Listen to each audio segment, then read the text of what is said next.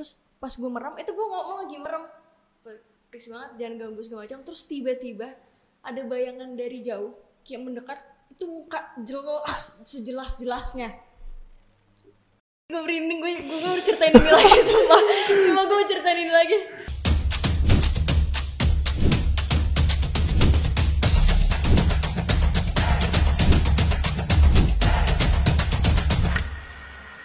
Hai guys, welcome back to Cia Podcast, podcast Gudang Cerita. Jadi hari ini kita kedatangan sama guest yang baru nikah bulan Januari. Ada siapa?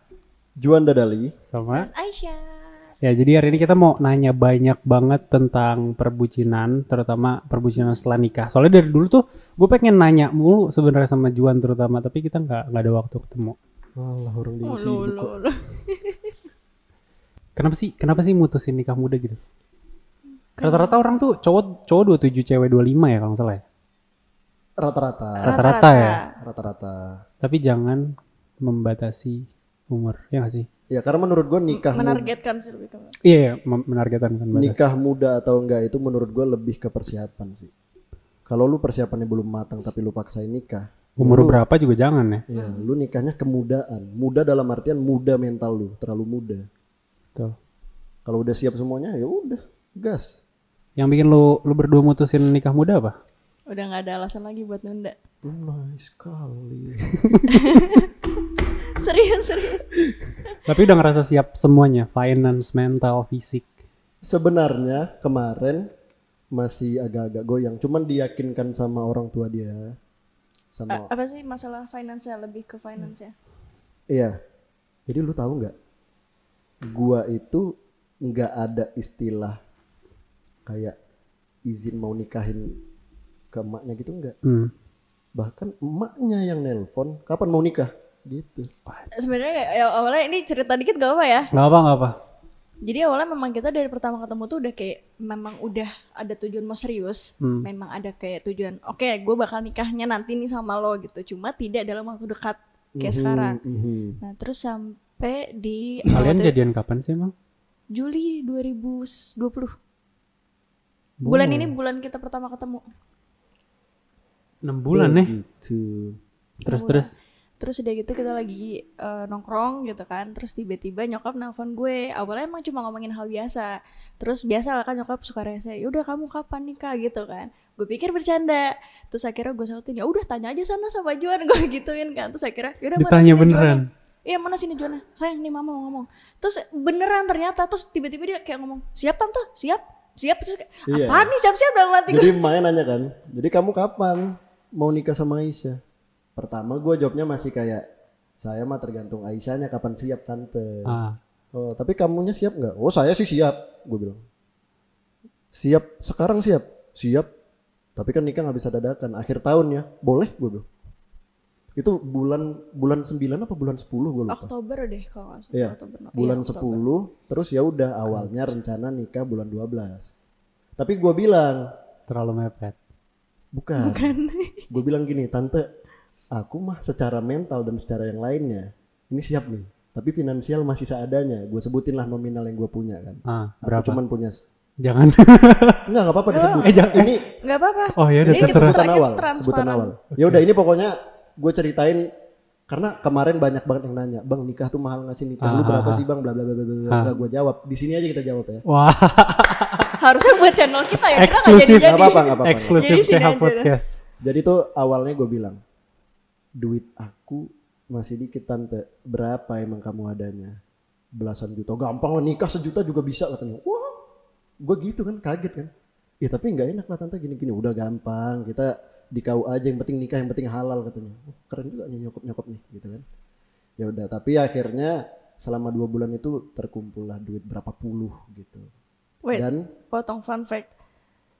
oh iya. Potong fun fact. Iya iya iya iya. potong iya, iya. fun fact. Ini ada fun fact yang Ini ada fun fact yang gila mungkin ini, ini ini kayak di luar nalar orang-orang lah. Waktu udah ada rencana nikah, eh, nyokap gue ngurus surat-surat eh, di KUA Bekasi, nyokapnya Juan ngurus berkas berkasnya Juan di Medan. Bokap gue belum tahu apa-apa. Bokapnya nggak tahu apa-apa. Bokapnya itu kayak di HBD gitu loh. Selamat ulang tahun gitu. Gue nikah. Serius, serius. Tahunya Jadi- dua minggu ya? Apa seminggu Seminggu, setelahnya? seminggu. Jadi udah selesai nih, surat-surat gue udah udah oh udah selesai gitu kan. Tapi bokapnya belum tahu. Nah kita ngerencanain pertemuan lah di satu kafe tempat adiknya kerja. Kita ketemuan di situ, ya udah baru di spill di situ. Ada apa sih gitu kan kayak, kayak bokapnya kepo kan ada apa sih ada apa sih? Ya udah kita spill nih, anaknya mau nikah. Oh ya udah nggak apa-apa. Gitu doang. Habis itu gue langsung ngerokok bareng sama bapaknya. Serius, serius. Terus terus ya. Terus eh, tapi nikah lu bagi bagi lu berdua kan eh, apa namanya subjektif ya. Tapi bagi bagi lu berdua megah atau enggak? Biasa aja. Bagi gua megah.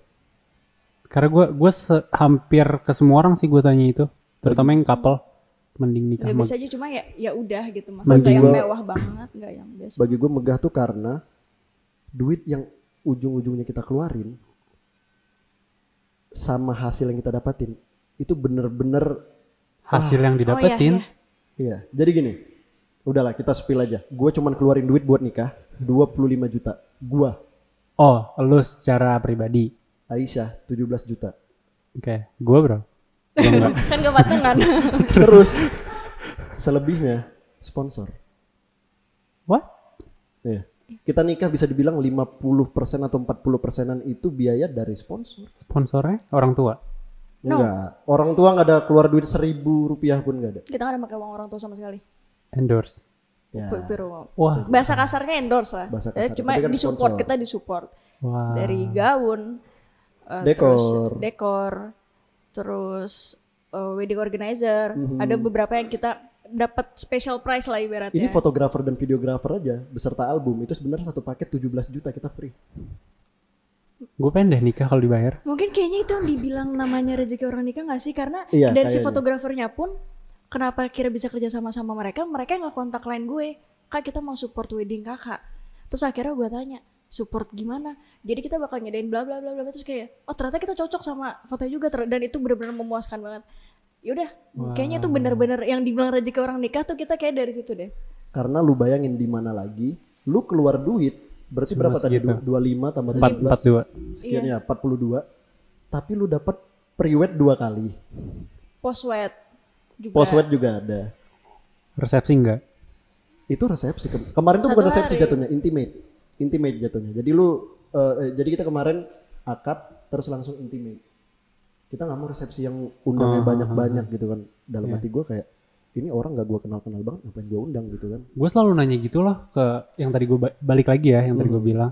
Soalnya gue mikir banyak banget orang yang kayak, wih gue pengen nikah megah nyiapin kayak kenapa sih lu belum nikah? Gue nyiapin duit supaya resepsinya bagus. Tapi nggak kayak gue mau nyiapin duit buat rumah, buat sekolah, buat segala macam. Gue nyiapin mental, nggak ada yang kayak gitu gitu.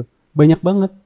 Dan kayak gue mikir, kenapa sih lu nikah harus kelihatan covernya bagus tapi dalamnya hancur gitu? Kenapa nggak luarnya be aja tapi pas masuk tuh wow megah Kena tuntutan ini ya, kena tuntutan sosial. sosial ya. Iya sih. Dan banyak juga gitu orang tua yang kayak, wih anak gue nanti nikah di sini, di sini, di sini. Kalau gue untungnya karena udah besar dari lingkungan orang julid, gue udah terbiasa mau orang ngomong A B C D Iya. sampai Z gue bodoh amat anjir. Mau dibilang makanan cateringnya nggak enak, bodoh amat. Lu dikasih makan gratis lu. Ya tapi nggak gitu juga. Acaranya- Serius gue, gue selalu mikir gitu. Mau dibilang acaranya kurang megah nih, lu bayarin gedungnya. Blok. Heboh gitu.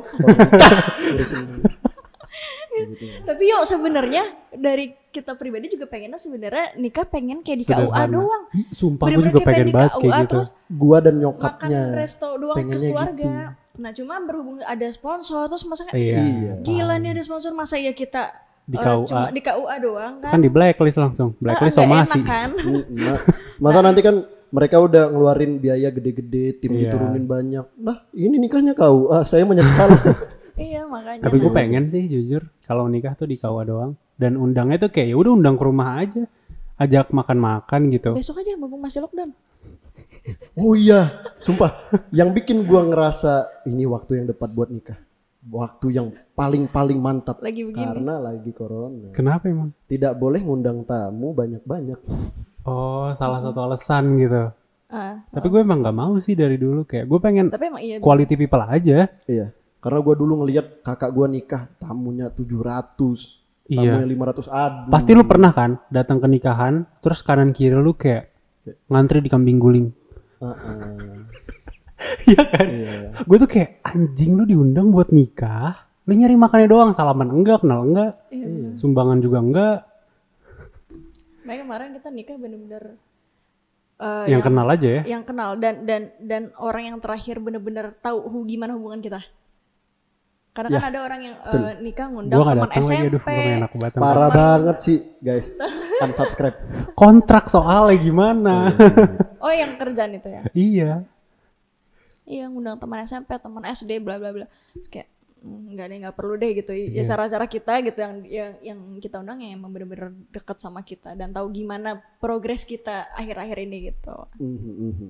Gue pengen nanya pertanyaan yang terserah mau dijawab jujur apa enggak, terserah. Oke. Kalian pernah ada yang selingkuh nggak? Enggak. Gue Serius? nggak apa-apa kan bilang Selingkuhin aku apa gimana?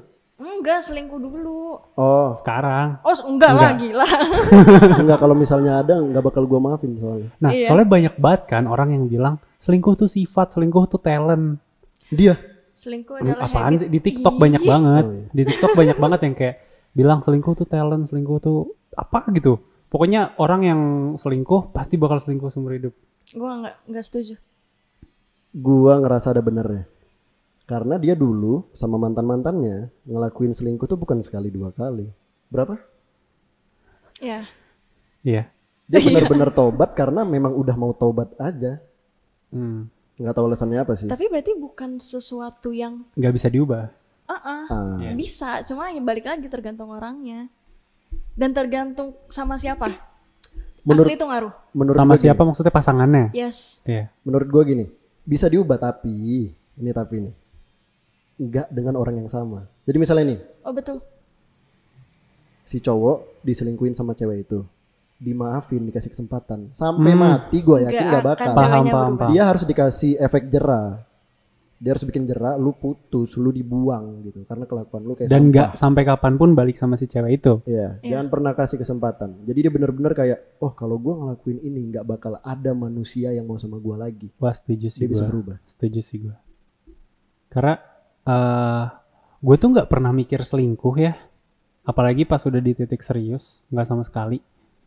Tapi gue selalu ditakut-takutin kayak, awas lo nanti dia selingkuh segala macam itu. Ngerti gak sih? Oh, Ah. jadi bukan dari lo nya tapi dari pihak satunya. Iya. Cewek tuh banyak yang mikir kayak, jadi cewek tuh harus cantik kalau nggak diselingkuhin. Gue tuh suka bahkan kayak, gue pengen punya cewek yang apa adanya aja gitu. Tapi pengen punya cewek cantik kan? Enggak juga. Demi Tuhan, gue nggak bohong. Gue nggak pernah menuntut Cindy untuk jadi cantik. Berarti Cindy nggak cantik. Wah parah banget. Enggak maksudnya, sumpah ya, cewek secantik Oh, apa pun, iya. kelakuannya sampah, mukanya jadi kayak sampah. Oke. Cewek sejelek apa pun, kalau kata orang jelek ini itu, dalamnya cantik jadi cantik. Nggak juga sih. Menurut gue kayak gitu. Ya. Kan selera dong. Iya. Iya benar. Gue gak punya taste fisik berarti. Nggak apa-apa, Tapi apa-apa. nggak apa-apa. bagus ya, maksudnya bagus. Bagus, bagus. Gak tau sih ini mungkin gue kayak so suci ya kedengerannya, tapi gue nggak bisa bahagia sama cewek cantik. Sumpah, maksudnya dengan cantik tuh nggak bisa bikin gue bahagia. Tapi bagus loh itu maksudnya jadi satu pegangan hidup masa lu punya pendirian dan prinsip lu sendiri Iya, ha-ha. dan itu bagus menurut gue. Jadi kayak yang namanya first impression segala macam tuh nggak ada yang berlaku di gua sih. Hmm, terus gimana jadi hubungan lo sama Cindy sekarang? Seka- Jadi kita nanya. Kenapa jadi itu? Enggak, maksudnya nggak ada hubungan yang itu. Cuma gua lagi bahas yang masalah selingkuh aja. Bukan bukan berarti gua sama Cindy ada masalah selingkuh nggak pernah sih. Tapi selalu yang kayak nggak selalu maksudnya banyak banget orang di luar tuh yang kayak mikirnya jangan apa bahkan sampai takut nikah gara-gara selingkuh gitu gara-gara takut diselingkuhin atau takut selingkuh Jujur gue juga ada sempat ada ketakutan tersendiri. takut elunya yang selingkuh atau takut diselingkuhin Iya takut bisa jadi eh, bisa jadi guanya, bisa jadi si cowoknya. Kita nggak ada yang tahu. Misalkan ibaratnya kayak saat besok aja gue nggak tahu Juan jadi kayak gimana, gue bakal jadi kayak Oh, gimana juga benar. gue nggak tahu gitu. tapi kalau disuruh pilih selingkuh apa diselingkuhin Nggak mau dua-duanya. lu juga Gua sih, dua-duanya. gua nggak ada takut-takutnya lagi sekarang. Karena gua ngerasa kalau gua diselingkuhin, ya gua bakal tinggalin. Udah. Gua nggak bakal merasa kehilangan sama sekali. tapi lu lebih tak lebih pilih selingkuh apa diselingkuhin Diselingkuhin. diselingkuhin Iya. Karena kalau gua selingkuh, gua seumur hidup ngerasa bersalah, Pak. pasti Kalau gua diselingkuhin, ya udah lu cabut. Yang nangis-nangis elu, yang stres elu. Definisi selingkuh apa sih? Ah. Kalau dari gua nih, Hmm. kalau lu udah nutup-nutupin sesuatu sesuatu dari pasangan lu udah lu selingkuh. Misalnya lu cuman sekedar chattingan atau teleponan. Tapi pas lu mau ketemu pasangan lu lu hapus, hapus. lu sembunyiin, itu udah Iya benar. Itu selingkuh level 1 ya? level 1. Itu udah udah itu basicnya lah. Selingkuh itu bukan bukan apa waktu aku pernah bilang ke kamu ya? Apa? Eh, selingkuh tuh selingkuh itu bukan sesuatu yang direncanakan sebenarnya, tapi emang ketika ada kesempatan aja. Biasanya orang selingkuh karena itu. Tapi ada kak orang Yang yang, direncanain. orang orang yang otaknya tuh kayak serakah tapi dalam bentuk cewek gitu, dalam bentuk pasangan. Ada loh. Gua udah berapa kali nemu sih. Iya, gue gue punya temen, gua- bukan temen gue, temennya Cindy yang kayak ngasih dia selingkuhan. Cindy nggak mau, tapi kayak dikasih. Gue Gue pernah kenalan dong. lu pernah ngomong di podcast ya, gue pernah, Iya pernah kan? nonton. ah. Gue gue di situ kayak anjing, ada loh orang yang kayak selingkuh tuh lifestyle ngerti gak sih? Gue malah baru tahu itu ada di cewek. Biasanya yang gue temuin rata-rata di cowok. Yang soal, ini lu mau Hmm, kenalan sama sini, lu sama sini aja gitu. Biasanya Iya. cowok. Karena dari dulu tuh brandingnya cowok selalu salah. Makin ada sosmed, makin kelihatan kalau cewek juga banyak yang kayak gitu. Tapi itu tidak berlaku di Tapi kita. di dunia nyata gue sih lebih ngelihat di circle gue nih. Ah, Dari gue SMP, SMA. Kan gue mulai kenal gitu-gituan SMP deh. SMP, SMA, kuliah. Lebih banyak yang brengsek cewek. Di lingkungan gue. Kebanyakan entah teman-teman gue yang banyak selingkuh cewek. Gue diselingkuhin kan cewek semua tuh. Uh, sama cowok pernah gak diselingkuhin? enggak dong brengsek. Tapi gue selalu mikir ya, orang yang selingkuh, eh kalau ada perselingkuhan dalam suatu hubungan, kalau ada se- perselingkuhan di suatu hubungan, nggak selamanya si yang selingkuh itu salah sendiri, ngerti nggak sih? Tetap salah. Tahu tetap salah, apa pun alasan tetap salah, tapi nggak selamanya salahnya diberatkan ke dia. Maksud gue tuh Oh. kayak misalnya nih, gua punya pacar, eh, imaginary aja. Misal gue punya, punya pacar dan gua nge-treat dia nggak bener. Satu, kedua, gua nggak punya border sama cewek, Hmm. nge DM DMin story segala macem. Anggaplah dua kesalahan gua. Terus dia total selingkuh gitu, sering sering fit call sama cowok lain segala macem. Menurut gue itu ada salahnya gue juga gitu. Gue Setuju setuju tapi nggak setuju. Kenapa? Gue setuju Iya, di di lu bilang eh, si cowoknya juga salah. Iya. Tapi menurut gua nggak ada hubungannya itu sama selingkuh. Kalau lu nggak suka sama cowok lu, lu nggak suka sama pasangan, lu putusin. Hmm. Kenapa harus selingkuh anjir? Lu bisa jadi orang yang bener kok. Lu tinggal putusin, Benar-benar. cabut, selesai. Kenapa harus selingkuh? Balas dendam? Enggak kan? gue cuma ini sih gue cuma mau menekankan ke orang-orang yang kayak pokoknya kalau selingkuh kurang ajar ngerti gak sih karena banyak banyak pasangan yang sangat tersakiti tapi dia ada di situasi yang dia nggak bisa keluar dari hubungan itu yang akhirnya dia Toxic selingkuh relationship. iya toxic relationship kan sering banget kayak Hmm. anjir udah lima tahun sayang banget gue kalau putus jadi katanya tuh orang jadi mencintai memori bukan mencintai orangnya Iya benar. Rata-rata di toxic relationship Iya. kayak gitu. Gua sih pernah hampir hampir pernah lah agak-agak gantung-gantung gitu. gantung apa apanya Ya kayak gitu udah kayak aduh mau putus tapi sayang. Mau Sama- sayang sama tapi Kaisha? pengen putus, bukan sama dia, sama sebelum-sebelumnya. oh Gue kayak ah tapi nggak bisa sih. Gue cuman bilang lu bisa berubah nggak? Enggak. Ya udah. ya udah Lu masih sayang sama gua? Masih tapi nggak bisa berubah. Oh ya udah kita pisah aja. Tapi aku nggak bisa. Udah nggak usah banyak bacot. Putus. Sumpah mantan gua pernah pagi-pagi datang ke kosan gua ngetok-ngetok nangis-nangis. Balik. usir. gua usir. Karena gua nggak mau. Udah sebelumnya dua kali apa tiga kali.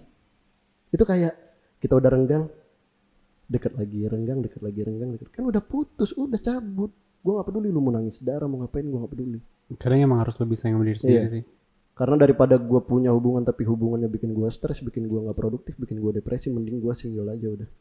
menurut gue salah satu sinyal putus terkuat adalah kalau kita udah stop making memory sih. Enggak juga. Enggak juga. Karena kita enggak tahu sih. Gak tahu sih. Kalau menurut gue gitu. Ah. Making memorinya gimana nih Karena maksudnya? kita emang nggak berasa, kita emang nggak berasa kalau kita make memory kan. Ah. Tapi kita berasa banget kalau ribut terus. Oh ya. Ribut terus bukan di saat-saat berat emang wajar ribut terus. Mhm. Tapi kalau ribut terusnya kok kayaknya never ending deh.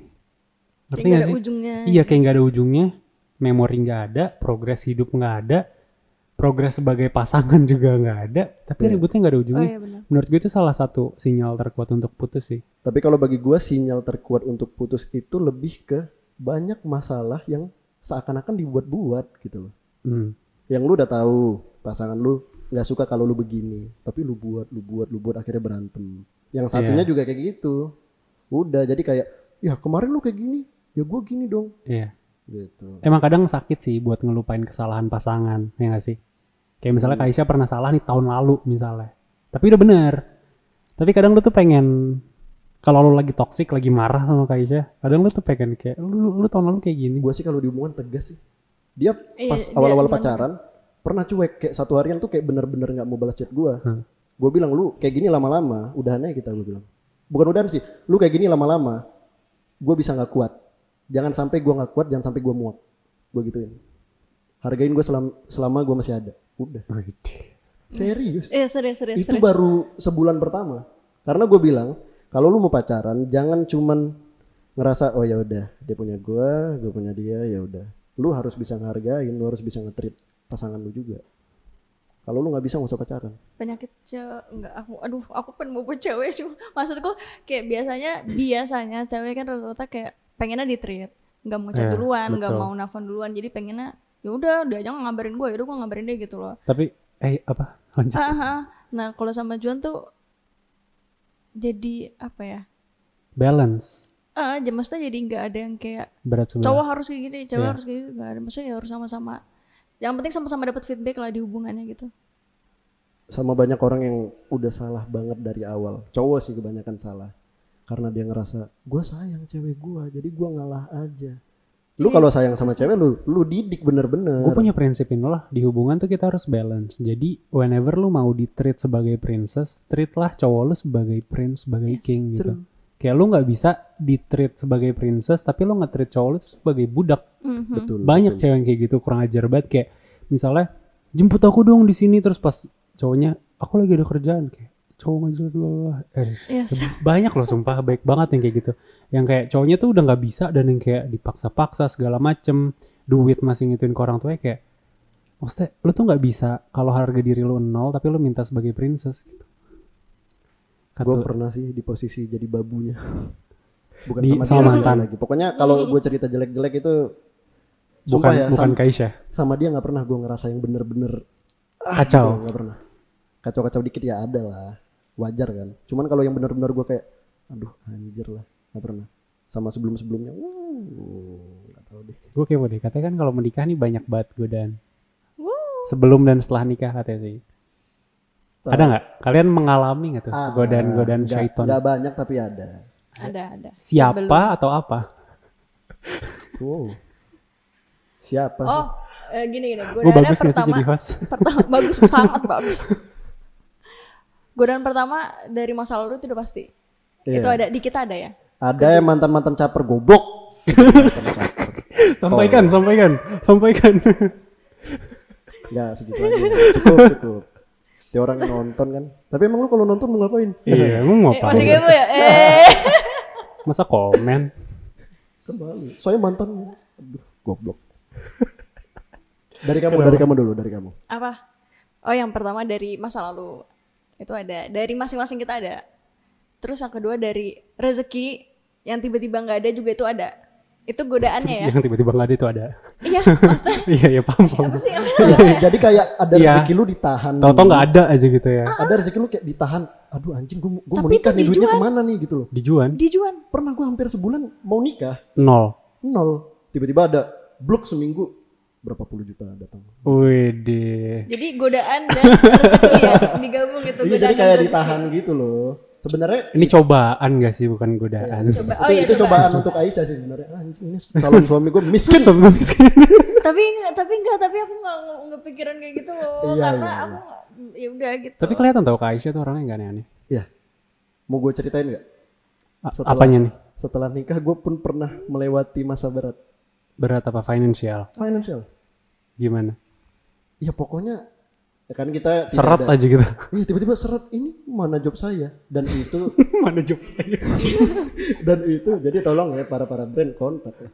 jadi eh, apa namanya TikTok gua ke band pernah berbulan-bulan Oh iya. dari mana duit saya saya bukan PNS pak nggak ada brand mau kontak ada. halo saya mau endorse TikTok kamu maaf TikTok saya ke band ya mampus pasti brand Malah gitu. itu udah ada deal dua brand ke Iya. cancel karena ke, Ah, ke band ah, atau tiga tiga tiga lu bayangin itu, itu tiga nominalnya Iya. bisa beli Iya. Ini nggak usah disebut nggak usah disebut. bisa bisa bisa beli beli beli Bisa nikah lagi.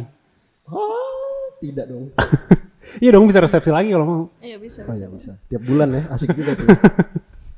nah, Tapi selain fight apa? itu si Aisyah the best banget. Kok nggak nyampe ah ya, the best banget. Kenapa? Eh, dia kayak kamu mau nggak pakai duit aku dulu gitu. Buat nikahnya. Iya. Kok Dan buat nikahnya? bukan buat nikah Ini dong. yang, Ini yang setelah, setelah apa sebelum? Ini setelah, yang ini setelah, setelah, ini lagi bahas yang yang setelah. Nah, dia pakai kan. Terus ya udah, nggak apa-apa sayang, tapi tolong semuanya sedetail mungkin dicatat. Dicatat. Bagus sih. Keluar catatannya 10 juta, Pak. Nah, tapi untungnya Pakai interest nggak bunga uang. gitu? Enggak dong. Eh, Tapi untungnya pas gua berapa bulan gak dapat job, sekali dapat job Alhamdulillah. bisa beli rumah lah. Serius. Gokil. Ya selama aku ada, aku bisa nge-backup. Prinsip gue gitu sih soalnya dari dulu. Untungnya. Tapi gue pengen nanya ini jauh dari per- masalah pernikahan sih. Apa tuh? Tentang cewek kalau mens tuh kenapa sih? Hah? Cewek kalau mens. Gue paham hormon, gue paham. Gue Ah, paham. iya, iya, iya. Tapi maksudnya kenapa gitu banyak banget yang nggak bisa kontrol? Ngerti gak sih? Kayak ada level di mana gue gue akan memahami cewek kalau lagi PMS. Tapi ada level juga kalau udah lu udah kurang ajar ya gitu. Ngerti gak sih? Nitip hiung.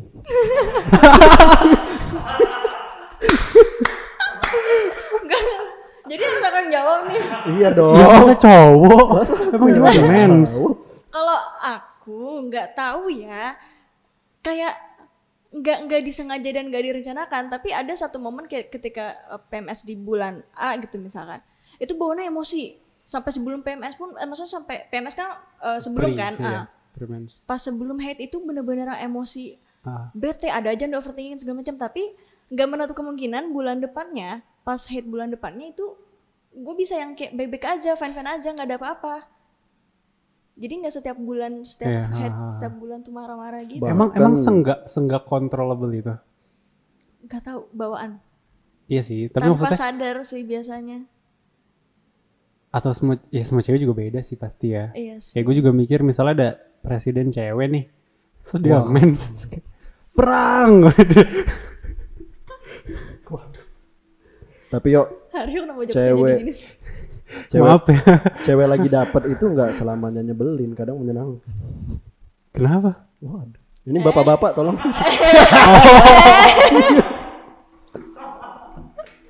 Kita masih kita masih bocah kan? Kita masih bocah. menyenangkan untuk kamu menyusahkan aku kan aku hilangin kesusahannya. Waduh. Nggak ikutan nih gue nggak ikutan. gue masih di bawah umur. Sama. Tapi berat gak sih pacaran sebagai eh pacaran? Nikah sebagai sebagai influencer? Berat. Untuk gue to the point. untuk Juan nggak tahu sih. Dia gue kadang ngerasa berat kadang enggak kalau kalau udah timbul sifat bodoh amat gue yang ada berat-beratnya. Kalau gue mulai care sama omongan-omongan netizen yang bla bla bla bla Oh lu bla, lebih ke netizen. iya beratnya di situ doang. Karena kayak ini apa nih? Suami kok gini? Istri kok gini? Bla gini? Kucing kok gini? Ya, kok kucing ini? Ya pokoknya gitulah diurusin gitu. Itu doang beratnya mah Kalau lu berarti gimana kak? Sama juga mulut mulut sama sih. netizen. makanya yang tadi kita bilang di awal kita kan tipe yang pasangan yang ya udah gitu. Lu nggak ada kewajiban setiap harinya lu harus masak setiap hari tuh nggak ada. Dan kadang kan orang yang lihat ya yang dia lihat di sosial media kayak gue kerjaan main sama kucing gitu. Mereka tuh kayak istriku nggak masak? Nggak pernah masak ya kok nggak bisa masak? Kan sekarang sudah dijawab sama Juan Terus kalau Sa- bisa iya pernah gue jawab kayak gue nyari istri bukan nyari pembantu dikira gue feminis anjir padahal enggak maksud gue kayak kalau lu memang punya selera istri harus masak Iya. nggak ada masalah disclaimer nih Itu bukan ber- lu. bukan berarti istri pembantu ya soalnya Iya. kemarin ada yang bilang gitu Iya. dia nyangkepnya beda dia, Iya. dia nangkepnya kayak oh berarti lu bilang kalau istri masak membantu ya nggak ada yang bilang gitu cuman memang gua nggak menjadikan jago masak itu sebagai syarat gitu loh. Gue selalu mikir masak tuh skill universal loh. Iya, Yang semua orang tuh harus punya. dia bisa kok masak. Cuman memang gua nggak mau dia masak karena gua ngelihat kayak Parah berarti nggak enak. Parah. Bukan. Parah. gua ngelihat dia beresin kasur, nyapu sehari dua Ya udah kali, cukup gitu ya. ngepel kayak lu udah capek banget kecuali Iya, gua ha, ngasih jajan lu banyak nggak apa-apa lu capek-capek di rumah gitu bahkan gue bilang udah nanti kita sabar nih pindah rumah baru kita pembantu aja kamu nggak usah bersih-bersih lagi udah tenang aja hidup gitu loh Iya, jadi gue sih mikirnya bukan kayak gue nggak mau punya istri yang nggak suka masak, eh yang nggak bisa masak. Bukan Hmm. karena bukan karena gue ngerasa masak tuh tugas cewek, tapi karena gue Iya. merasa orang yang nggak bisa masak, somehow ya, gue ngerasa dia nggak bisa take care of dirinya sendiri gitu. Iya. Makan aja dia nggak bisa ngurusin, ya ya masa seumur hidup gue food. Baik banget nggak sih di di sosmed di TikTok terutama ya yang bahas kayak nikah muda tuh goals segala macam ini tuh. enggak Banyak tahu yang bahas kayak gitu. Nikah muda goals. Gak tahu, kayaknya banyak gitu kayak udah Iya, halal, udah memang halal ini itu. Nikahnya goals. Mudanya enggak atau gimana? Gak tapi pertanyaan gue, pertanyaan gue bukan itu. Pertanyaan gue tuh apa sih, apa aja sih yang harus disiapin kalau mau nikah muda terutama? banyak banget lah Yang utamanya deh coba. mental Mental. lu punya duit nggak punya mental nggak guna nggak Betul, bisa lu nikah. Punya duit betul. sebanyak apa pun. mental mental dalam artian mental untuk datang ke keluarganya mental untuk terbuka satu sama lain dari sebelum nikah. Terbuka dalam hal apa? Semua. Keuangan ke depan gimana nanti kalau lu punya anak parentingnya mau gimana? Merubah diri jadi lebih baik. merubah diri jadi lebih baik. Terus eh, kapan mau mulai punya anak? Apakah habis nikah langsung punya anak? Atau mau nunda berapa tahun? Itu atau nggak mau punya anak sampai mati? Ya pokoknya itu harus terbuka gitu. Aha. Nggak boleh ada takut-takut aduh gue takut terbuka kalau gue terbuka nanti dia nggak mau sama gue justru terbukalah kalau dia nggak mau sama Iya. lu bagus Dari awal Jadi tahu dari awal. Iya Iya. benar-benar benar. daripada nanti udah Mending nikah pahit di awal ya. iya udah nikah aku tidak mau karena kamu gini wow nggak bisa kan jadi mending dari awal gagal nikahnya Kalau dari dulu kak sama itu itu aja. Sama kayak kajian. Prinsip.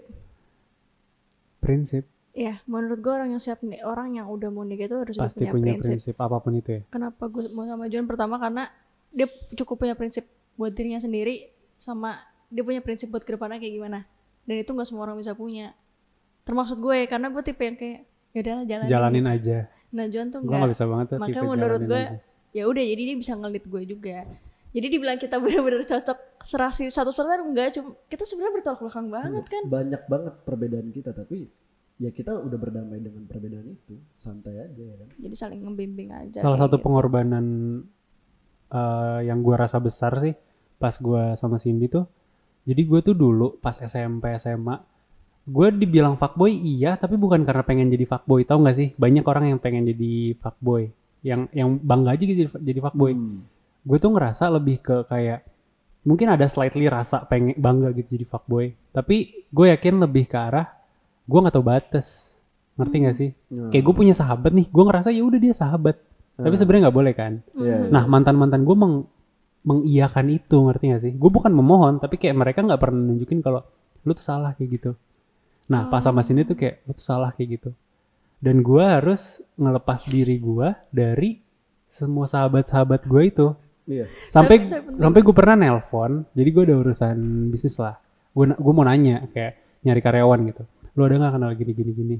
Terus dia sampai ngomong kayak lu sombongnya sekarang gue tuh kayak soalnya sahabat bayangin sahabat Hmm. banget gitu. Tapi gue udah nggak mau kontak dia karena ya gimana sih gue komitmen sama, sama satu cewek? gitu. Iya. terus gue yang kayak gue tahu gue tahu maksudnya yang kayak dia kangen segala macem gitu kan. Tapi gue yang kayak ah ngomong kenapa? Terus dia kayak, ah enggak enggak ya udah matiin. Ngerti gak sih? Iya, harus ada memang harus ada boundaries kan. iya betul. Jadi itu kayak kayaknya jadi hal yang eh, sebagian besar maksudnya kayak se- banyak banget orang nggak bisa dengan hal itu ngerti gak sih? iya Iya gak sih? gue Jatuhnya reason sama why gitu gue kan. reason why gue bawa topik ini karena eh bukan ngerasa gue hebat atau gimana ya tapi gue ngerasa banyak banget cowok mungkin cewek juga lah ya yang nggak melakukan hal ini karena emang jujur berat jujur berat kalau lu jadi fuckboy terus lu jadi good boy apalagi jadi family man itu tuh berat banget kalau mau Iya, iya. jujur Posisi lo ada di posisi gue kok. Oh, lu yang tadi kenal banyak temen- cowok gitu ya? yes, uh-uh.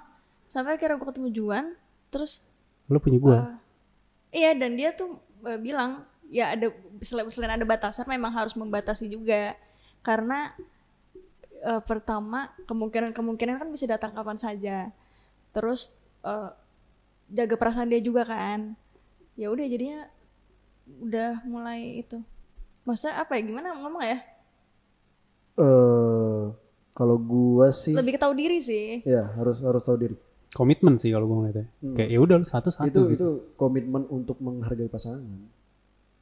Karena sebenarnya kalau misalnya sama sahabat dibilang selingkuh ya enggak juga gitu. Tapi dengan lu kayak gitu, lu nggak menghargai pasangan. Ada tendensi buat selingkuh, kemungkinan-kemungkinan Iya. gitu untuk selingkuh karena oke deh banyak kan orang selingkuh karena emang dia kurang ajar gitu ya. Hmm, hmm, hmm. Tapi banyak juga orang selingkuh karena, karena ada kesempatan ada slot kayak that's what I said ada kesempatan Memang nggak ada itu sahabat, sahabat, sahabat, sahabat. Sekarang ini orang-orang tuh terlalu banyak minta tapi nggak mau ngasih. Contoh kayak, eh gue ingin kebebasan dong, ingin ini bla bla bla bla bla. bla. Tapi lu mau kebebasan, apa yang bisa lu kasih? Kepercayaan apa yang bisa lu kasih? Jaminan apa yang bisa lu kasih? Nggak ada. Nggak ada. Gue bisa kok sahabatan sama dia tapi nggak Iya, ngapa-ngapain. iya. Gue bisa bla. apalagi gue Jaminannya apa bro? gue pernah lihat juga tuh konten di TikTok kayak katanya eh jadi si cowoknya nih minta si ceweknya supaya lu jauh dong dari sahabat lu terus dia yang kayak apaan sih orang gua dia kenal gue lebih lama Hmm. ngerti gak sih Iya. kayak enggak enggak enggak kayak gitu caranya lu mau kenal baru sehari kalau komitmen sama dia sama dia Hmm. ya kalau emang lu nggak mau ngelepas si sahabat ya kawin sama sahabat Tapi gini yo, tapi gini yo. Gue punya pemikiran yang lebih agak fleksibel sih. gimana Gini, kalau lu punya pemikiran boleh punya sahabat lawan jenis kalau udah pacaran, menurut gua nggak apa-apa. Tapi jangan sama gua. betul Yang ya sama semua orang gua, beda balik iya. lagi semua Iya, orang iya. beda Yang sama gua harus yang sepemikiran sama gua di bidang itu. Iya. Jadi kalau misalnya lu bilang eh, punya sahabat apa nggak punya sahabat atau ngejauhin sahabat lawan jenis karena pasangan itu toksik, iya ya udah itu opini lu. Kita apresiasi. Tapi gua punya opini lain ya tolong apresiasi. Yang jadi masalah tuh sering kayak A berdebat sama B, sementara mereka itu beda. emang nggak gitu. sejalan Emang aja tapi sejalan. maksa gitu Jadi nggak usah diperdebatkan karena itu pilihan kalau menurut gua mah. Terus terus ini mungkin ini mungkin nggak relate sama lu berdua sih, tapi tanggapan lo apa sih sama cowok-cowok yang kayak cowok-cowok dan cewek-cewek yang kayak ngomongnya gini, lu tuh harus punya prinsip kalau cewek lu terserah mau pakai baju apa aja, kalau ada cowok genit baru berantem, ngerti gak sih? Kayak Gua nggak setuju gua. kenapa? Enggak. Karena kalau lu ngebebasin, gue jujur lagi, kompas gua ke agama. Kalau gue bebasin dia pakaian apa aja apa aja bla Berarti lu bukan suami yang baik. gue gak ada tanggung jawab. Iya gitu. betul. Tapi lepas dari agama deh, karena agama orang beda-beda. Oke. Lepas dari agama, Tetap nggak setuju. tetap gak setuju sih gue. Karena gue nggak suka ya apa yang punya gue dilihat orang gitu. Iya, gue juga mikirnya kayak bukan berarti lu kalau pakai baju seksi itu menjual. Tapi gue punya feeling somehow kayak gue nggak mau punya cewek yang dijual gitu kasarnya. Cewek gue tuh not for sale gitu. Iya iya. iya. Gue juga kayak gitu kok. dan biasanya gua dari om- omongan cewek lu nggak mau cewek lu pakai pakai baju baju terbuka tapi lu likin cewek foto-foto terbuka. Hey, saya balikan ke anda, idol idol anda, six packnya anda lihat liatin, nggak ada masalah kita, bodoh amat. Dia suka Justin Bieber mati-matian, bodoh amat mau ngeliatin six packnya mau apa segala macam. Tuh, gue lebih six pack kan gitu kan, nggak ada masalah gitu. tuh yang bisa gue nikmatin in real life dia gitu.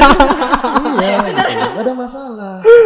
Mau nge-like cewek seksi, mau apa, tapi balik lagi itu nggak bagus, maksudnya nggak Iya, menjaga iya, mata. Iya, iya, iya. Cuman ya bukan masalah yang serius-serius banget. Iya, tapi jujur ya, menurut gue itu nggak bisa dikaitin loh. Kayak Iya, iya. gue gue menjaga pacar gue supaya nggak supaya nggak pakai baju seksi itu nggak ada hubungannya kalau misalnya gue suka ngeliatin cewek seksi misalnya Mhm, mhm. itu nggak ada hubungannya gitu justru Iya.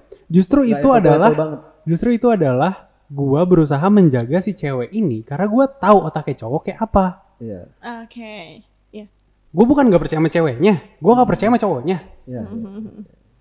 Iya, iya. iya.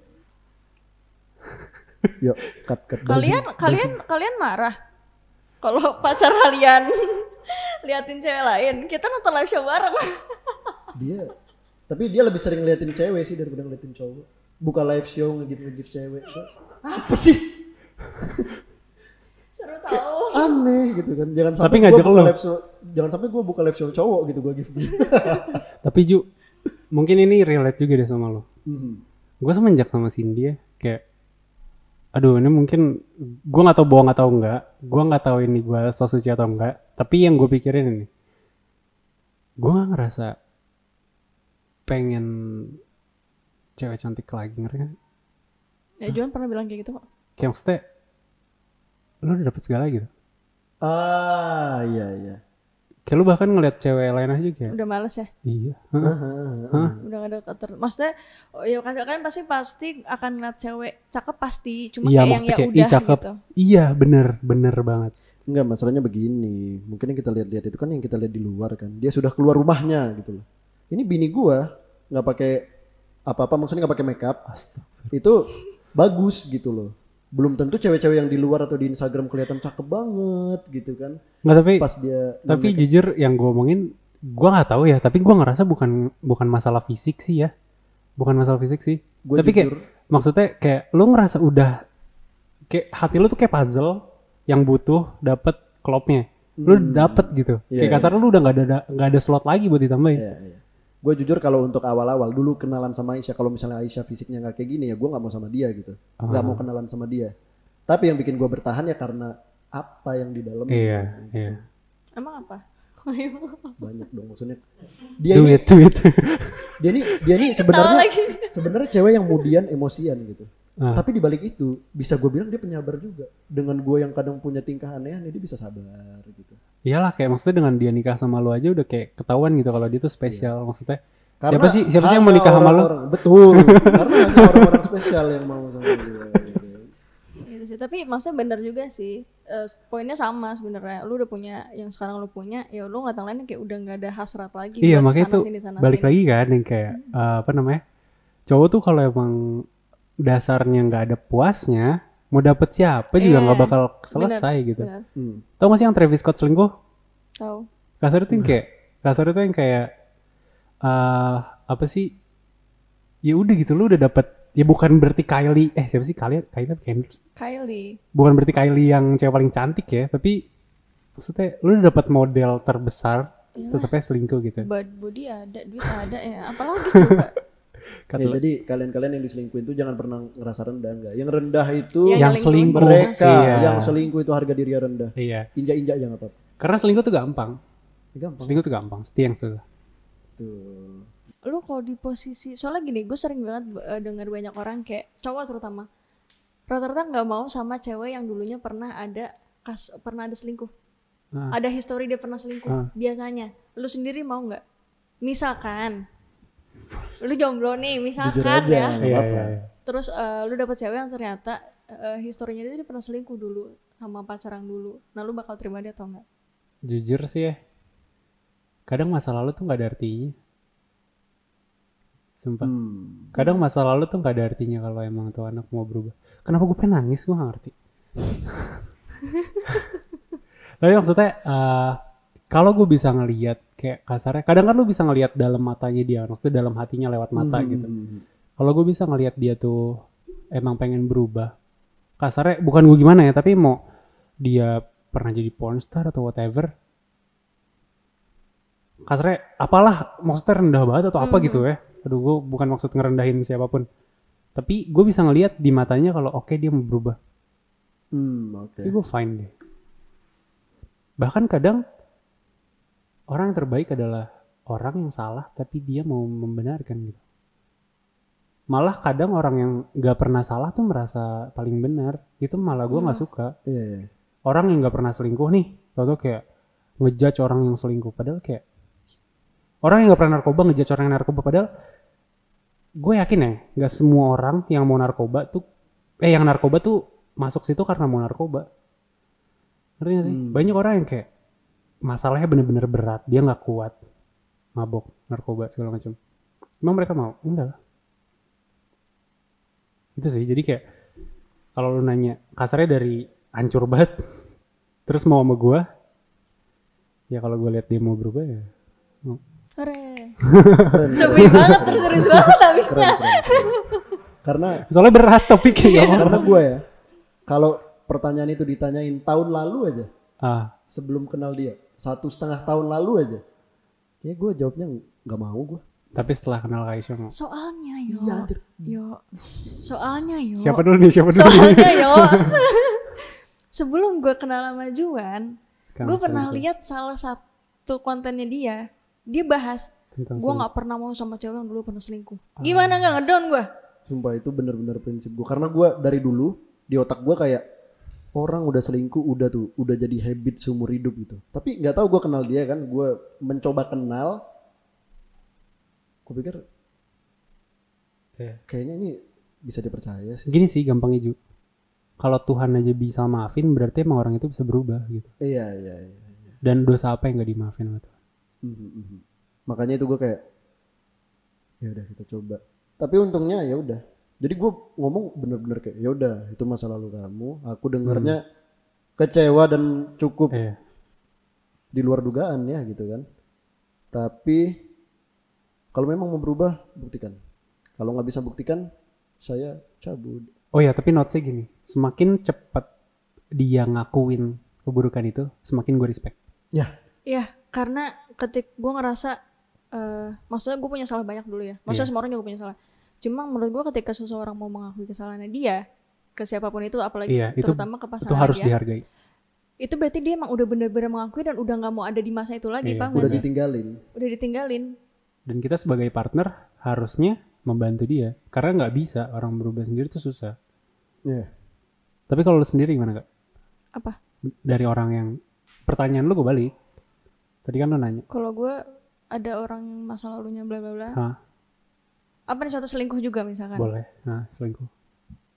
enggak enggak enggak dia dia pernah dia dia sekarang dapat orang yang masa lalunya jauh lebih buruk daripada perselingkuhan Juan. dia terima Makanya tadi gue nanya dulu masa lalunya apa nih? Ya apalah yang buruk intinya yang Ya buruk. ini contohnya. Ya, berarti mau. mau. Tapi emang Juan berubah. berubah aduh gua nggak bisa ceritain di sini sih cuman gua iya, itu itu di belakang kamera aja ya. Iya, iya. cuman iya. gua wah Ya cuma masa lalu intinya gua lima tahun enam tahun lalu tuh wah Kayak lu pernah cerita dikit deh waktu itu pas gue datang. iya kayaknya pernah cuma intinya semua orang pasti punya masa lalu lah ya yang maksudnya kan tingkatan masa lalu itu berat dan salah banget atau enggak kan itu ada di diri masing-masing gitu. iya Terus hmm, selingkuh mulu. Bahas. Gue pengen bahas anak deh. Ah boleh. Ah, boleh. Ini kalian kepo. Kapan punya anak kak? Ya terus? kapan punya anak kan urusan Tuhan. Iya. Tapi rencana yang mau dilakuin ke anak kan urusan lu berdua. Yes, betul. Betul. Betul. Nah itu yang mau gue tanya. Rencananya apa sama anak kita? Kita belum ada jadi untuk waktu dekat. Tidak mau punya anak untuk dekat. Mau persiapkan segala Mempersiapkan hal. semuanya. Yang pertama balik lagi ke mental. Itu udah nomor satu banget. Iya sebagai suami tuh nggak. Eh, maksudnya tanggung jawab suami sama tanggung jawab bapak kayaknya beda deh. Iya. Iya. Kebanyakan orang mikir kalau jadi suami auto jadi bapak. Enggak. Iya nggak juga. Kalau lu bisa jadi suami belum tentu lu bisa jadi bapak gitu loh. Belum tentu Dan lu tau nggak sih? siap. Dan tau gak sih eh, di case-case tertentu bapak tuh harus siap jadi ibu dan sebaliknya Iya. Bener, bener, bener. harus nyusuin gak ding? Kenapa mas? mas Riki ore-ore. kayak gitulah kalau kalau dari gua nih kita udah udah bahas kapan rencana mau punya anak dan yang pasti bukan tahun ini gitu dan Ah. bukan tahun depan juga Ah, nah tapi kalau misalnya itu tidak langsung terwujud gue juga nggak masalah iya iya. gue nggak mengejar kayak Gak usah dengerin kalau ada yang bilang Heeh. kapan punya anak mas. gue mau nikah untuk langsung punya anak enggak gue enggak nah terus gue pengen ketika gue punya anak nanti kalau bisa udah ada biaya untuk dia at least tamat SMP pas dia lahir Oh paham paham. pas dia lahir ya Gratis At dong. Kan sekolah gratis sekarang. Sih. ya begitulah pokoknya dan kita udah bahas semua gaya parenting segala macam udah kita bahas Ini kita udah bahas dari Hmm. dari sebelum tiga nikah bulan, bahkan tiga bulan setelah ketemu. Kita udah Wow. bahas. kita udah bahas dari Padahal belum ada rencana nikah sih. Iya. Cuma Ini kayak ngebahas aja. Gue punya pertanyaan yang agak berat sih, yang kayaknya baru pernah gue ketanya, tanyain tuh ke Cindy. Kalau misalnya Mhm. Anak lu nggak bagus di sekolah, Hmm. lu sekolahin apa enggak? Sekolah wajib. Wajib. Gue sekolah Hmm. wajib. kalau bagi gua kalau dia ada hal bagus di luar sekolah dan benar-benar menjanjikan untuk masa depan dia dan dia yakin bakal jalanin itu dengan serius kalau dia nggak mau sekolah tinggalin nggak apa-apa Itu Bapak Juan tuh. Gua- Cuma gua- kan belum gitu. kelihatan kan. Udah, Iya. udah di umur Cuman berapa kalau- dulu tergantung. kalau memang lu bisa ngejalanin hal di luar sekolah dan bisa ngejalanin sambil sekolah ya sekolah lah gitu loh Iya. saya sudah nabung dari sebelum anda Ah. lahir anda tidak pakai duitnya Tapi sebenarnya emang iya benar. Maksudnya sekolah tuh nggak sepenting itu. Ya. Tapi itu penting. Jadi kalau misalnya lu yakin bisa membuat karena sekolah tuh aduh, gue takut di hate tapi ngeri kita bahas ini iya, sebenarnya. tapi yang penting tuh bukan pelajarannya. Yang penting Iya. tuh prosesnya betul itu dan Proses. maksud gua kayak kalau misalnya dia sekolah SD enggak lah, tapi kalau SMP SMA dia sekolah cuma buat nyontek. Ngerti gak sih? Mhm. Lu ngapain juga? Mhm. Ngapain juga? Temenannya juga ngapain? Ya kan? gue pernah dulu waktu SMA dipanggil ke ruang guru dikeroyok debat gitu cuman gara-gara gue bilang ke teman gue udahlah nggak usah serius kali kalian pikirkan sekolah ini nggak bikin kalian sukses ini dipanggil gue ke ruang guru tapi bapak lihat saya sekarang Oh, ede. tidak jadi apa-apa sih biasa aja tapi nggak gagal-gagal juga pak biasa aja gitu loh Itu sih yang gue mau tanya. Susah sih. Tapi intinya intinya sih yang kalau gue boleh ngasih saran, bukan ngasih saran sih ngasih pesan. Jangan pernah mikir kalau anak lu tuh legacy lu. Oh iyalah jelas. kita kita bilang nih anak itu tanggung jawab bukan investasi Betul banget. Iya.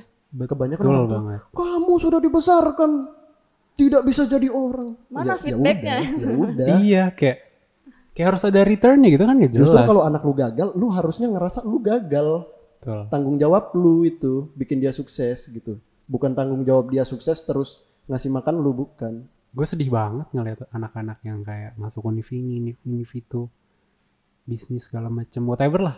Mhm. Kalau ditanya, suruh bokap, suruh nyokap. Iya sih Patah hati anjir Iya. Walaupun temen, walaupun lebih tua gitu. iya Walaupun dia kelihatan happy, dia kelihatan spoil. Mhm. Even gue ngeliat yang kayak anak, wih apa duitnya banyak, dikasih jajan banyak, mobil ini itu. Tapi dia yang kayak hidupnya tuh kayak anjing dikasih tali suruh jalan. Sedih anjir. Iya. kayak bingung kan ini anak apa peliharaan gitu. Iya. Peliharaan aja gue lepas, anak diikat. Iya. Betul juga. Susah ya ngomongin anak ya. Mhm. makanya belum belum pengen punya Makanya kita gitu belum Iya. ma- memang belum mau. Tapi kalau dikasih, orang tua. ya nggak boleh nolak. iyalah Iya. kalau tapi kalau tapi tiba-tiba memang ada kita isi ya. menunda gitu. Ah. Menunda tapi karena kita nggak nggak kayak ayo di dalam di dalam biar jadi tidak, tidak. maksudnya kita tidak menargetkan yang harus gitu loh. Dan ini nih kalau misalkan kita tadi kita bilang kita pengen punya anak lima tahun ke depan. enggak sih Enggak, misalkan Iya, misal, lima misal, tahun ke misal. depan dan eh, setelah lima tahun itu ternyata kita belum dikasih anak juga ya udah gitu. Iya udah. Enggak enggak enggak Gua- yang gua jadi target masalah. juga. masalah anak itu rezeki dari Allah tapi kalau Iya. misalnya dikasih sesuai di waktu yang gua butuhkan dan Nah, gua iya. inginkan gua bakal insya Enggak. Allah merawat dengan baik dan membesarkan dengan baik Susah tau. Tapi enggak Ju, lu tuh nggak tahu yang terbaik buat lu apa.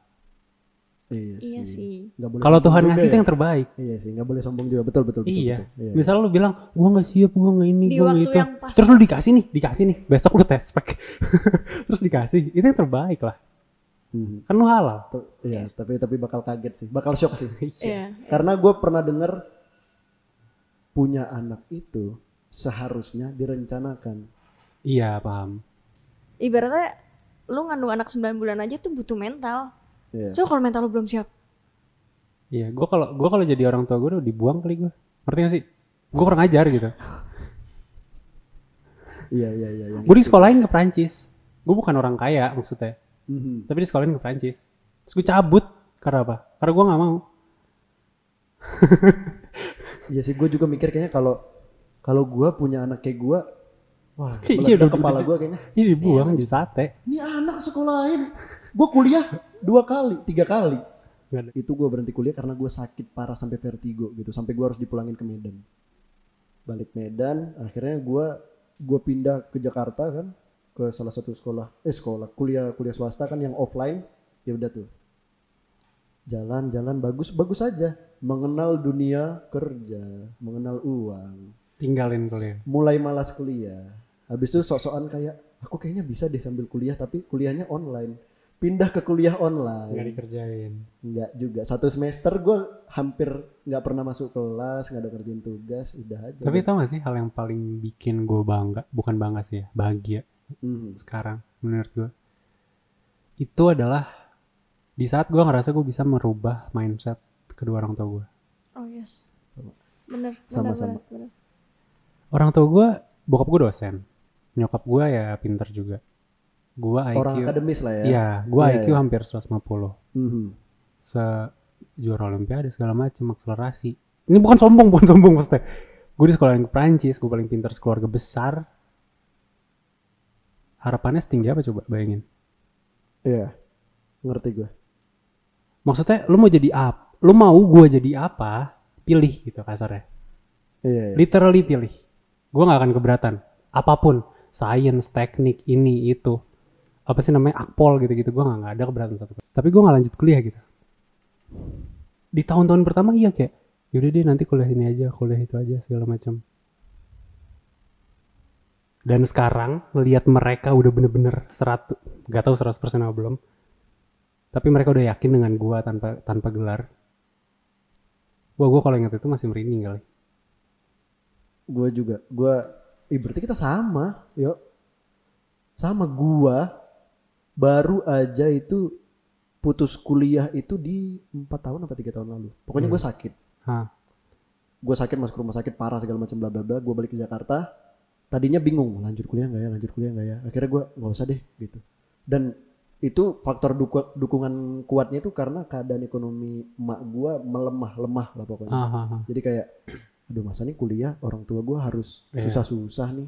Gue mikir nggak usah deh. Tapi kepikiran juga tapi gue mau jadi apa anjir? Tapi gue mikir ah gue bisa kok model gue gua Hmm. main iklan juga beberapa kali bla bla bla.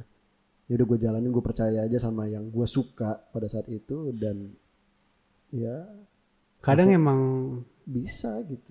kadang emang ini kedengarannya durhaka banget sih bener. Tapi orang tua emang mau yang terbaik pasti. Tapi nggak Iya, selamanya tahu yang terbaik. Iya iya. Dan Betul, kadang betul, berat betul. banget gitu kayak gue sampai ditekanin banget loh sama temen gue kayak ya buat banggain orang tua yuk. Gitu loh. Mhm, terus gue kayak ya buat apa? Gue sampai jawab kayak gitu soalnya gue nggak tahu lagi jawab apa karena ya bener tapi kadang emang harus denger yang di dalam aja gitu di dalam kayak suara kita sendiri. Tapi seneng banget ketika dulu orang tua kita kayak kamu tuh harus Sarjana, eh, S3 segala IPK-nya gini bla bla bla bla bla bla. Sampai sekarang orang tua gue cuman ngomongnya mama bahagia kalau Juan bahagia. sama Aisyah bahagia penuh kecukupan. Nggak usah nggak usah ngasih ke mama nggak apa-apa. Tapi Juan alhamdulillah belakangan ini masih terus. memang ngasih terus ke mama ya mama udah lebih juga ini- mama makin bahagia. Ya betul dong. Ini mama bahagia. Gue kayak perasaan dulu mak gue nih keras banget. Sekarang se ya udah gitu. Dia bener-bener senang dengan gue yang sekarang gitu. Jadi gue kayak oke dulu gue pernah ngerasa saya ini anak gagal. Semua kakak gue ada gelar gue nggak ada. Bagus dong makanya gue kayak Duh, ini gue anak gagal nih laki-laki satu-satunya bungsu harapan ya kan ditunggu-tunggu. Eh, lagi Nah, bahas gitu. lagi bahas duit gue pengen ada yang ditanya deh ini menurut kalian Hmm, butuh uang berapa sih buat bahagia? Unlimited. Karena mau lu punya duit sampai dua isi dunia dua dunia nih buat lu doang kentut. Ya gimana? Kalau menurut gue tuh unlimited karena lu mau punya duit seisi dua dunia juga nggak bakal cukup untuk bahagia. Unlimited karena berarti bukan unlimited dong. Ya kan unlimited berarti lu butuh uang sebanyak mungkin untuk bahagia Juan. Nah itu dia. Kan lu kebalik bilang lu kan, ngomongnya. kan lu Iya. bilang berapa banyak duit yang dibutuhin untuk bahagia. Ah. gue jawabnya unlimited karena nggak bakal bisa gitu. Ah. nggak ada limitnya. Nggak ketebak oh paham nggak ketebak paham, nggak ada paham. limitnya. Jadi nggak bakal bisa lu tembus itu dengan duit. Iya. Nggak oh bisa. kebayang kebayang poinnya. Kalau lu Gitu. kak? Sama tapi jangan jadi alasan. Duit bukan alasan. Iya jangan jadi alasan buat Iya. mager. Jangan anda malas. Duit bukan sumber kebahagiaan. Iya tapi kalau anda tidak punya duit buat makan Eh, mati. tidak bisa bayar kebutuhan keluarga tidak bisa bahagia. Iyalah jangan jadi iyalah. alasan gue juga mikir gitu kok kayak maksudnya banyak juga yang bilang ya tapi kalau kalau nggak bisa punya rumah nggak bisa punya mobil nggak bisa ini itu nggak bahagia ini TikTok lagi ramai banget yang apa sih judulnya tuh gue lupa kemarin baru diomongin Welcome to Indonesia. Ya, yang mana? Bukan. Oh, bukan. yang Kirain sama Mas. Riki apa Mas judulnya Mas yang kemarin yang main di kolam nadanya begini apa sih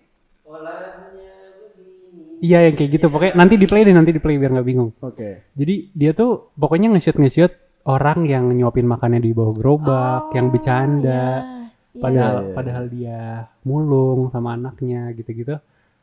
Senyum loh, senyumnya lebih bahagia daripada orang-orang kaya Lebih yang lepas ya. iya lebih lepas daripada influencer-influencer yang fotonya bagus, Mm-mm. yang senyumnya karena Hmm, lagi take. Hmm. Dah dari tadi di talk mulu, di talk mulu, dah. Capek. Kita mau masuk ke horor. Seperti biasa kita harus menutup dengan segmen horor. Nah, katanya nih lu pernah nih ngelihat sesuatu di atas lemari. Apaan tuh? Waktu kecil itu. Jadi ini sebenarnya kejadiannya berkali-kali dan sering. Kata mak gua. Hmm. Gua suka kayak ke pojokan gitu ngeliat terus kak kakak gitu-gitu atas lemari Oh lu ngomong kakak gitu. Iya jendela, ruang kosong gitu-gitu. Pokoknya gue sering kayak gitu lah, dapur lagi kosong, kak kakak kakak gitu-gitu. Tapi ada satu kejadian yang bener-bener gue inget. Pas gue tidur, gue lagi dielus-elus kepalanya, terus gue kayak, ya udah gue ngeliat di jendela ada ada orang tapi bukan orang gimana ya wujudnya itu nggak kayak manusia biasa karena kayak kayak lumuran darah rambutnya juga kayak kotor banget kayak bercampur tanah Ah. tapi itu kayak kepala doang nih Ah. lehernya nggak ada Terus badan. langsung badan terus tangan dan tangan cuman satu dia gini-gini ke gua juga gitu loh jadi gua kayak kakak kakak gitu-gitu Gila gak ada takutnya lu ya. Nggak ngerti. Belum ngerti. kayaknya itu belum ngerti kayaknya karena setelah itu gue penakut sih Itu di Medan? iya di Medan itu kejadiannya bokap gue masih ada jadi itu tidak mungkin bokap saya dong Oh iya. iya Ngapain juga bokap lu berdarah. iya juga sih gabut anjir Tapi masih pernah ngeliat nggak sampai sekarang? enggak diganggu gue terakhir itu waktu kuliah tapi kalau Udah lama ngelihat dong. iya beberapa tahun lalu lah tapi kalau ngelihat terakhir SMP SMA lupa gue pokoknya masih sekolah deh Kalau kejadian paling serem apa di hidup lu? sebenarnya kalau gue paling serem tuh di pesantren Oh pesantren? SMP doang tapi Kayak gini jadi. iya ya jangan masukkan anak anda nggak nggak nggak nggak bercanda ini ini memang guanya aja rusak gitu loh Dia jangan jadi juan aja. Iya. Eh, tapi itu jadi nggak menyeramkan karena kita melihatnya beramai-ramai. Oh, semuanya ngeliat. Iya. Wow. Jadi kita ngelihat penampakan itu berkali-kali, yang kita lihat juga wujudnya sama, tapi kita ngelihatnya berpuluh-puluh bahkan pernah satu asrama ngelihat hal yang sama. Jadi jatuhnya nggak serem gitu karena oh kita semua ngelihat nih gitu. Ah. Ya udah. Kalau sama Kaisya pernah nggak? Kaisya pernah ngeliat setan-setan gitu nggak? Ada nggak satu yang mau diceritain tentang setan? Em, kalau waktu kecil ada. Dulu tuh waktu kecil lagi di rumah. Eh, dulu kan suka ada apa sih pemandangan langit tapi kayak bintang bulan purnama gitu-gitu kan Oh, waktu iya. kita masih kecil banyak kayak gitu-gitu. Nah terus itu orang-orang satu komplek lagi pada ngeliatin ke langit. Nah ada masa ada yang di depan pagar, ada yang di lapangan. Jadi kan rumah gue dulu di Pondok Kelapa tuh deket sama lapangan. Nah Ah. terus di garasi eh, rumah gue tuh ada mobil bokap kan, mobil yang kayak mobil-mobil BMW yang depannya pendek gitu. Oh iya. Nah gue tuh duduk di atas mobil lagi ngeliatin uh, bulan segala macam udah pada kel- kelar orang udah pada masuk rumah tuh udah pada balik pulang. Gue masih keke mau duduk situ. Ayo masuk kata mbak gue waktu itu. Enggak nggak mau duluan aja duluan aja gitu. Duduk. Itu kayak gue S dia PTK ya. Mungkin SD kelas 1 atau lupa. Terus lagi duduk. Tiba-tiba kayak eh apa ya kan pakai apa sih namanya? Oh itu eh, teropong. ya soal teropong bocah-bocahan itu. Iya. ha. lagi ke atas terus eh, ngarahin ke arah depan rumah itu ada cewek yang lewat pakai baju putih. Bukan jalan serem tau kan? Kayak kayak kayak naik naik. skateboard. Ah, Kayak naik ini hmm, hover. Iya hoverboard. jalan rambutnya panjang putih. Madepnya madep ke sana. Ta- eh, gua nggak nggak liat mukanya sama sekali. Terus gua langsung kayak mama mama segala macam. Terus akhirnya nyokap gua keluar kenapa? Itu ada yang lewat putih-putih barusan. Terus akhirnya mbak gua ngomelin itu sebenarnya kejadian horor gue tuh banyak sih. Terakhir kalau yang gue rasain banget di tempat tinggal kita sekarang Ketemu Juan. Oh iya, horor. Menegangkan. Apa-apa gimana maaf. tapi kalau yang apa ya aku aku bingung tau saking banyaknya Iya, sama juga aku kemarin. Kalian tuh indigo, Enggak, Enggak. tapi Punya cerita. nyokap bisa bukan sama- yang kayak bisa ngobrol, bisa ngeliat gitu Nyokap ya. nyokap bisa. gue bisa Berarti Nyokap anak lu, anak lu jadi itu nanti. bisa jadi Iya. bisa Jadi jadi Gimana? Ada lagi nggak? ya banyak dia. Kaisha dulu. banyak dadakan tadi kata nanya John doang jadi apa-apa, nggak bingung. apa-apa, apa. Nanti ini mereka kita panggil lagi biar biar ada episode 2-nya. Boleh, Full horror. boleh.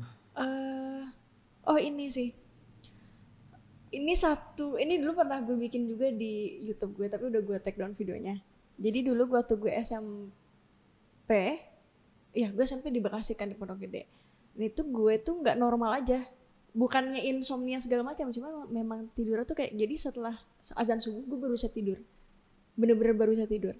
Nah terus akhirnya di eh, ditanya lah sama eh, kakaknya nyokap gue. Eh maksudnya nyokap gue nanya ke kakaknya dia yang bisa kenapa ya Vira? Gue dipanggil Vira kan. Kenapa ya Vira nggak bisa tidur? Bla bla kayak gini gini.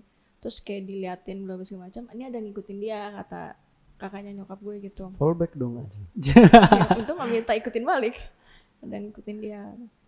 Ngikutin siapa gitu. Gara-gara waktu itu gue habis pergi dari mana cuma gue nggak sadar anaknya. Soalnya gue nggak sepaka itu beda sama adek gue kan. Nah terus ternyata ada yang ngikutin katanya kuntilanak. Eh nyebut nggak apa-apa kan? Iya. Nggak apa-apa. ya katanya ngikutin kuntilanak gitu.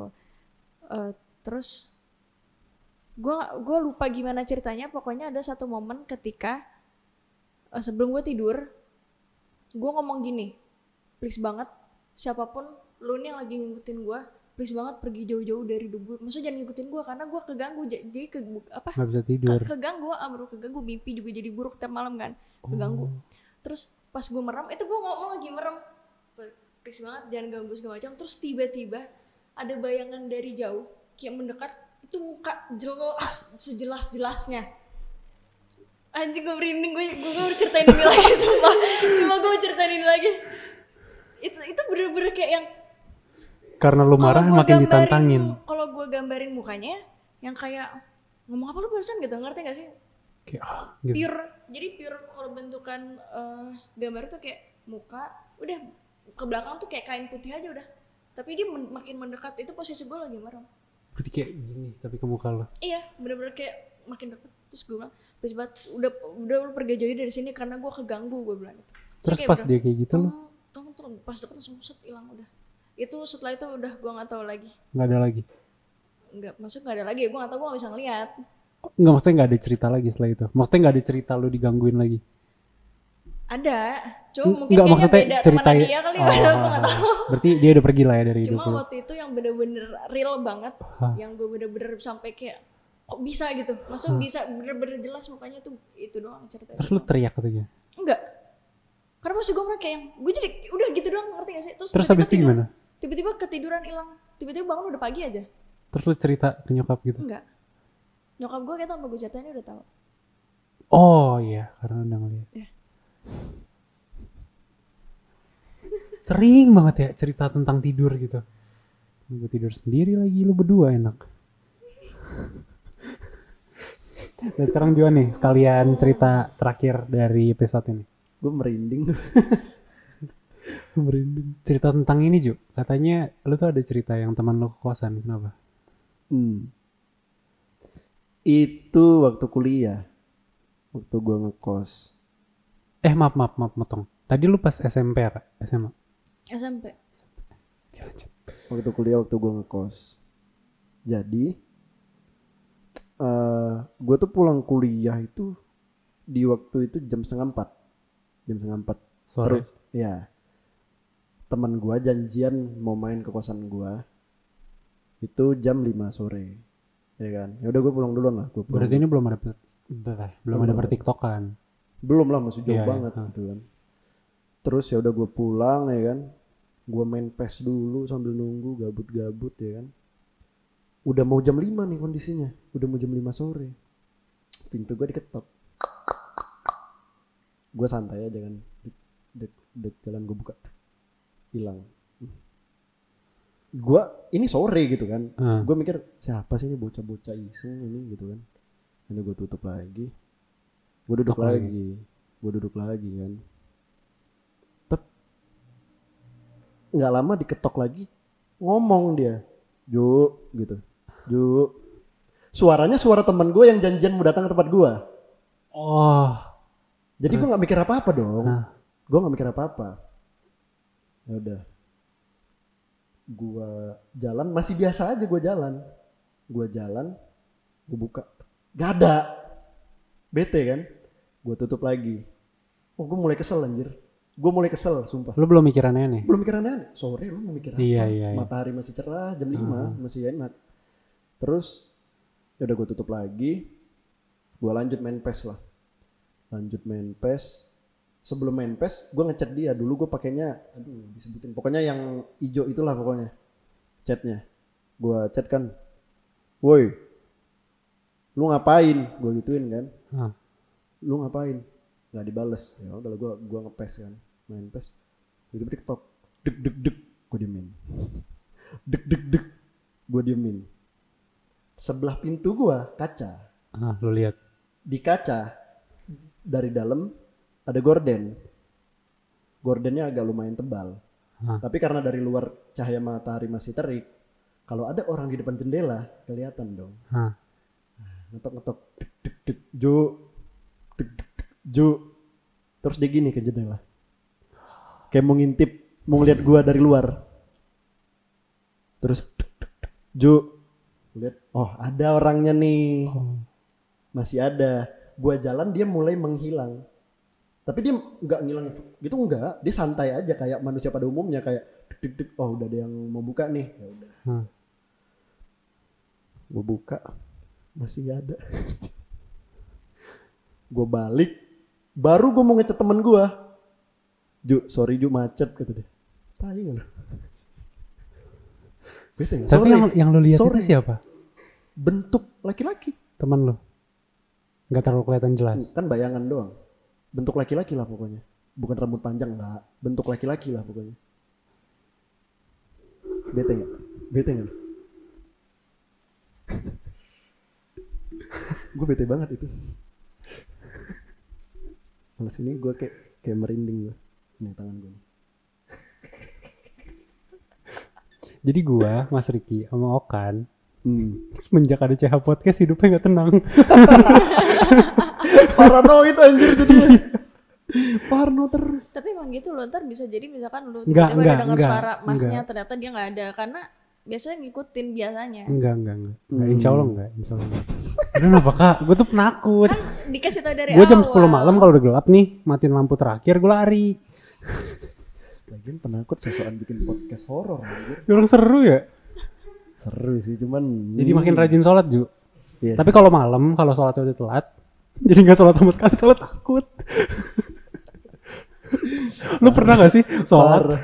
Lebih takut sama setan daripada azab Allah. Ya bukan Oh, gitu enggak, ya. enggak. Tapi lu pernah gak sih lagi sholat terus denger aneh-aneh? Ini gue pas kecil sih pas SD. Gua- Sholat gua dulu denger gitu. aneh Iya. cabut. Iya sih. Gue juga pernah sih Gue kayak gitu. pernah, gue pernah, gue pernah. ya udah anyway, eh, ini udah malam juga, shootnya dari sore dan thank you banget Juan sama Kak Aisyah udah datang.